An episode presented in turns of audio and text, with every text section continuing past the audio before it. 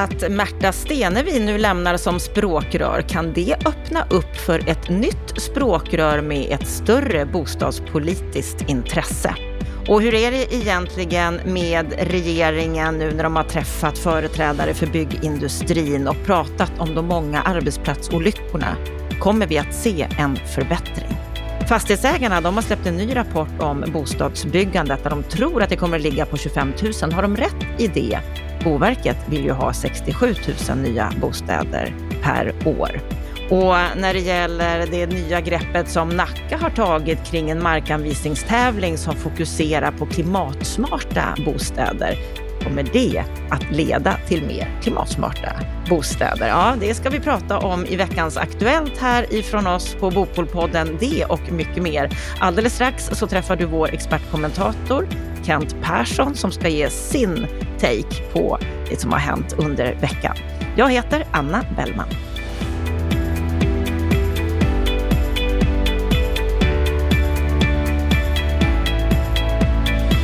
Och vi börjar den här veckans, veckans Aktuellt med att Märta Stenevi meddelade i helgen att hon lämnar posten som språkrör för Miljöpartiet. Därmed så har Miljöpartiet på kort tid tappat båda sina språkrör eftersom Per Bolund lämnade och Daniel Heldén tog hans plats. Både Stenevi och Per Bolund har ju dessutom varit bostadsministrar. Bolund han var det 2019 till 2021 och Stenevi fram till november 2021. Betyder det här något för Miljöpartiets engagemang i bostadsfrågorna skulle du säga, Kent Persson? Det återstår att se. Det som jag tycker har varit lite förvånande eh, med Miljöpartiets bostadspolitik är att med tanke på att de har haft bostadsministerposterna, så att efter det och när de kom in i eh, opposition, så tycker jag att deras engagemang och synlighet har ju nästan försvunnit helt.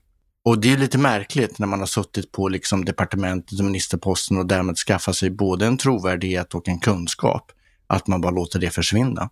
Dessutom så tycker jag nog att Miljöpartiet har en roll att spela här när det handlar om att koppla ihop sina huvudfrågor med klimat, miljö, samhällsplanering och den hänger tätt ihop med bostadsfrågan. Eh, så att jag är lite förvånad faktiskt. Dessutom så är det många av de här miljöpartisterna som kommer upp och gör karriär eh, nationellt har ju också varit aktiva på lokal nivå och kommunal nivå. Och då har många av dem jobbat med samhällsplaneringsfrågor eller samhällsfrågorna. Och sen försvinner den liksom. Så att det, jag är lite förvånad och det skulle väl kanske vara ett litet medskick då till kommande språkrör, både Heldén men också då den kommande kvinnan att hörni, ta plats i, i bostadsfrågan även när ni sitter i opposition. Och finns det då någon kvinna som du ser skulle kunna bli det där här språkröret som skulle kunna lyfta bostadsfrågan? Ja, naturligtvis tror jag många tänker på Karolina Skog om hon skulle göra en politisk comeback. Har ju trovärdighet i frågorna, har dessutom nu jobbat eh, på andra sidan utanför politiken med frågorna. Så att hon skulle ha en väldigt kort startsträcka och har ju breddat sin kunskap när det gäller bostadsfrågorna in på de sociala frågorna. Och här vet vi ju, vi har ju pratat om det rätt mycket i våra återkommande poddar, att behovet utav en social bostadspolitik är ju enorm. Och där skulle hon ju komma in med en jättestor eh, trovärdighet. Om hon är intresserad av dig, det har jag ingen aning om, men det skulle vara ett spännande namn. Mm, ett spännande namn och vi får se vad som händer när det gäller språkröret för Miljöpartiet. Vi går vidare till att regeringen i veckan, och då framförallt arbetsmarknadsminister Johan Persson, och Eh, Paulina Brandberg som är biträdande arbetsmarknadsminister, de har träffat företrädare för byggindustrin, både arbetsgivarorganisationer och fackföreningar för att prata om de många arbetsplatsolyckorna som vi ju har sett i vårt land. Det har gjorts en del på sistone och det ska bli fler fysiska oanmälda inspektioner av Arbetsmiljöverket som också har fått i uppdrag att försöka ta fram åtgärder som ska få flera att bli skyddsombud bland annat. Kent, hur ser du på regeringens arbete kring säkerheten på våra byggarbetsplatser? Jag tycker att det är bra. Det är bra att de är på frågan. Jag tycker att ambitionen eh, är, är rätt. Möjligtvis ska de faktiskt öka tempot ännu mer. Det är helt orimligt att vi har ett läge i Sverige där så många eh, olyckor sker på våra byggarbetsplatser och så många faktiskt eh, mister livet. Det är familjer som skickar iväg ofta sin pappa, även om det också är mammor som jobbar men som sen inte kommer hem till middagen. Djupt tragiskt. Och här finns det jättemycket mer att göra som både politiken kan göra och branschen kan göra. Så att Önskemålet tycker jag det är höj tempot och se till att politik, bransch och fack går hand i hand, för det här måste göras gemensamt. Men det, jag tycker att det är bra från, från regeringen att man nu ändå lägger fram fler förslag och eh, engagerar sig i det, för det behövs.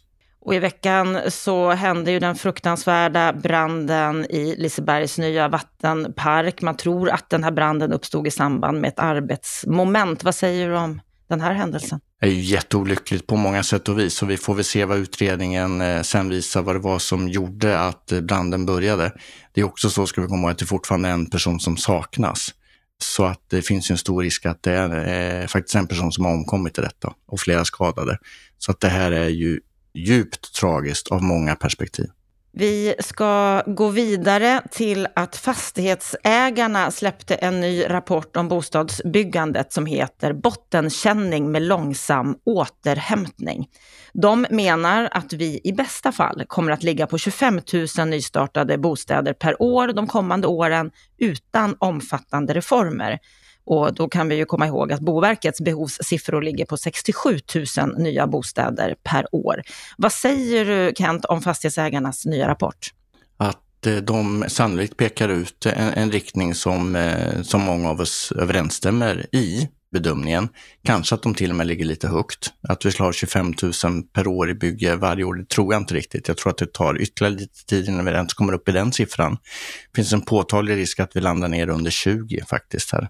Och det gör ju sammantaget för den här mandatperioden att det kommer byggas väldigt mycket för lite bostäder för att klara vår bostadsförsörjning. Och det kommer leda till större samhällsproblem. Så att det är bra att fastighetsägarna är på frågan och det är också bra att de tydliggör att kommer det inga större politiska reformer, då kommer den här krisen bli långvarig och den kommer bli djup. Efter det här rapportsläppet så har fastighetsägarna och Hyresgästföreningen debatterat åtgärder på det i debatt och kortfattat kan man säga att Hyresgästföreningen de tolkar alla förslag som marknadshyror. Fastighetsägarna svarar att de långtgående reformer inte hade varit lika nödvändiga med fungerande förhandlingar. Vad säger du om den här debatten Kent? Det är lite typiskt Hyresgästföreningen att eh, gå ut i debatten och påstå saker och ting som, om just införande av marknadshyra som ingen föreslår. Det är liksom ett sätt att försöka förflytta debatten till ett område där de kanske tror att de har något att vinna, men det är ganska ohederligt. Det finns alltså ingen som har föreslagit att vi ska ha marknadshyra på hela hyresbeståndet i Sverige. Ingen. Tittar vi däremot på nyproduktionen som har stora problem så finns det ju en, en utredning som föreslår fri hyressättning och eh, den visar också vägen fram att det skulle underlätta för byggarna att komma, komma igång. Och den hänger också ihop med de stora problem vi har på att få de årliga hyresförhandlingarna att fungera. Eh, vi har ju två saker som är jätteviktiga när det gäller hyresförhandlingarna. Det ena är ju såklart det befintliga beståndet och där vi nu ser att eh, hyresnivåshöjningarna blir alldeles för låga. Vi får inte kostnadstäckning. Det skapar faktiskt sämre möjligheter för investeringar i befintliga beståndet framåt. Och det gör ju också att hela hyresrätten som investeringsobjekt tappar attraktivitet. Då glider man också över på, på nyproduktionen. Eh, och det är ju också så att även de hyrorna ska förhandlas. Och där går det ännu sämre. Och det gör ju också att det är ännu svårare att räkna hem projekten. Så att Hyresgästföreningen eh, skulle kanske må bra av att istället ägna sig åt det som är huvudfrågan.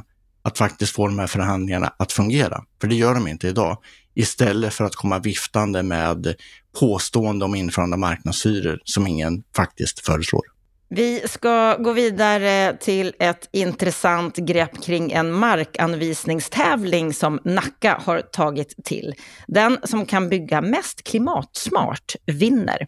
Och den aktör som uppvisar lägst klimatavtryck under hela livscykeln när det gäller produktion, drift och mobilitet ska få den här markanvisningen som handlar om bland annat 8000 kvadratmeter bostäder.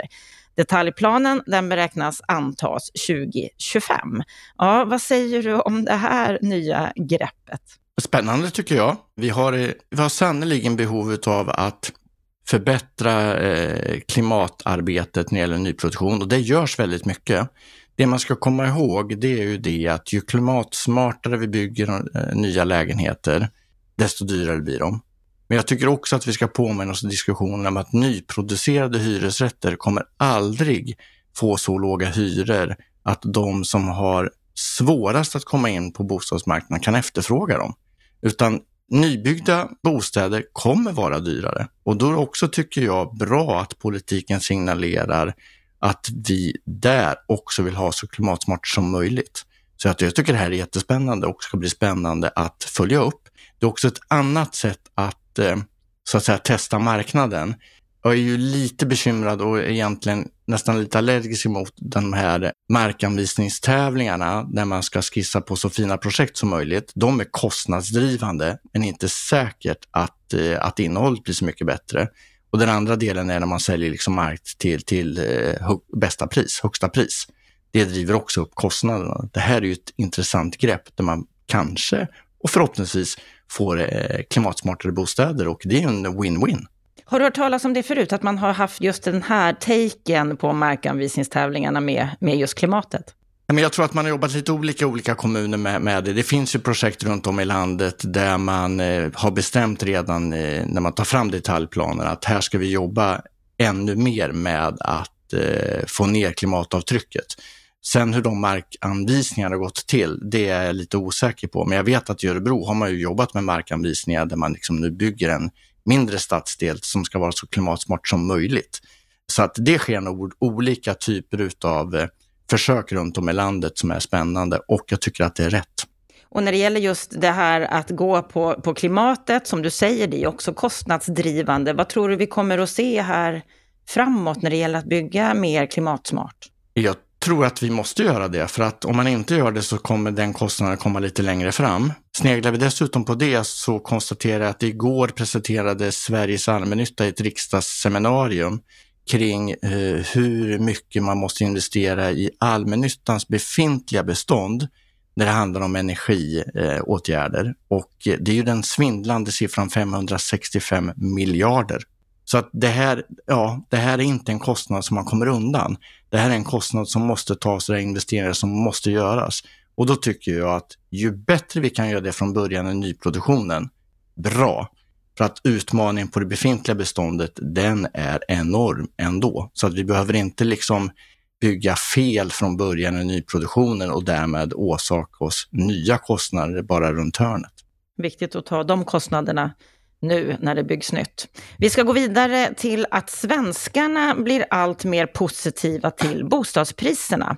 SEBs boprisindikator anger nu att 45 procent av de som har svarat tror på stigande bostadspriser de närmaste 12 månaderna. 20 procent tror på sjunkande och resten tror på stillastående. Skillnaden mellan andelen som tror på stigande och sjunkande ligger nu alltså på 25 procent och den har stigit från 4 bara sedan i december. Så högt har indikatorn inte legat sedan våren 2022. Ja, vad tror du Kent? Hur ser du på den här optimismen? Att svenska folket kanske är för optimistisk? Ja, vi får väl se. Det? Ja, jag vet inte, men anledningen till tror jag att, att vi börjar skönja en, en viss optimism, trots att vi kanske egentligen bara är i början av en lågkonjunktur, vi får väl se hur djup den blir, det är ju att räntorna nu ser ut att stabiliseras och alla väntar på att när kommer den börja sjunka.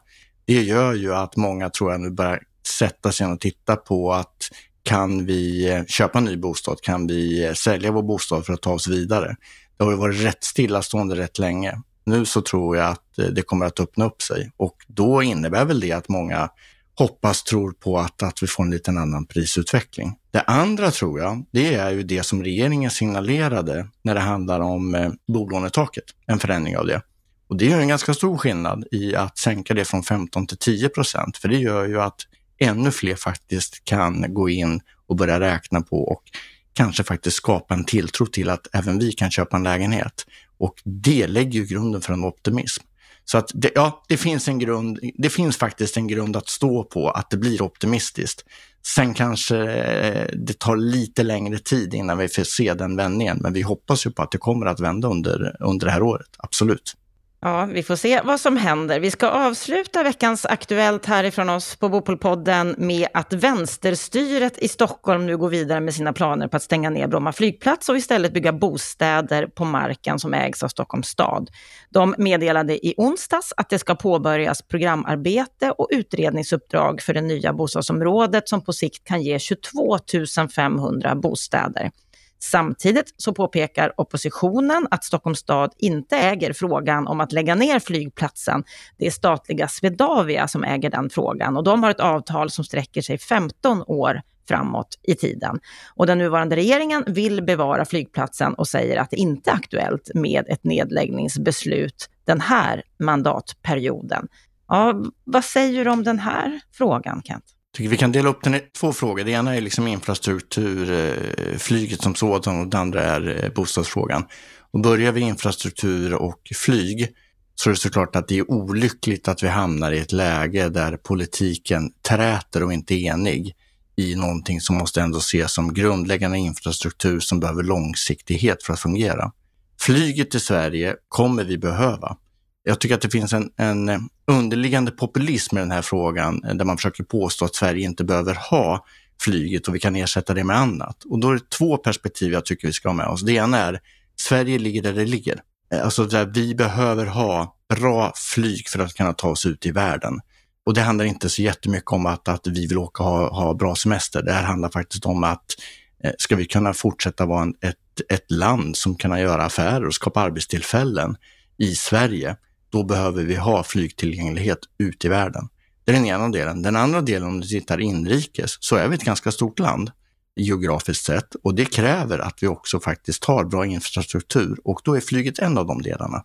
Jag skulle säga det att den utveckling vi ser i norra Sverige, om vi inte skulle ha en möjlighet till ett bra flyg upp i norra Sverige, då skulle de investeringarna inte ha hamnat där.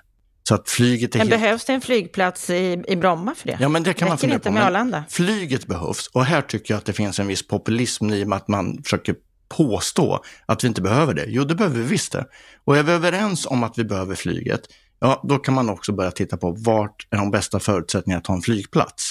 Och då måste jag nog säga det att när det gäller Stockholmsområdet, då behöver Stockholms stad, regionen och staten vara överens. Och det kanske är så att det allra bästa, det vore på att satsa på Arlanda och se till att den får allra bästa förutsättningarna. Internationellt och nationellt. Arlanda är idag en flygplats som tappar i attraktivitet och tappar flyglinjer ut, ut i världen, vilket är djupt olyckligt för Sverige. Men det är också så att det kanske skulle kunna gå att, att bygga upp den och göra den bättre. Gör man det, ja då går det säkert att ha en diskussion om att, eh, att avveckla och ersätta Bromma med något annat. Men i sådana fall så måste det gå i takt och det är det jag menar med att den här populismen runt flyget, det går inte att ha, utan då måste man också vara tydlig i att jo, flyget behövs, men vi kraftsamlar på Arlanda.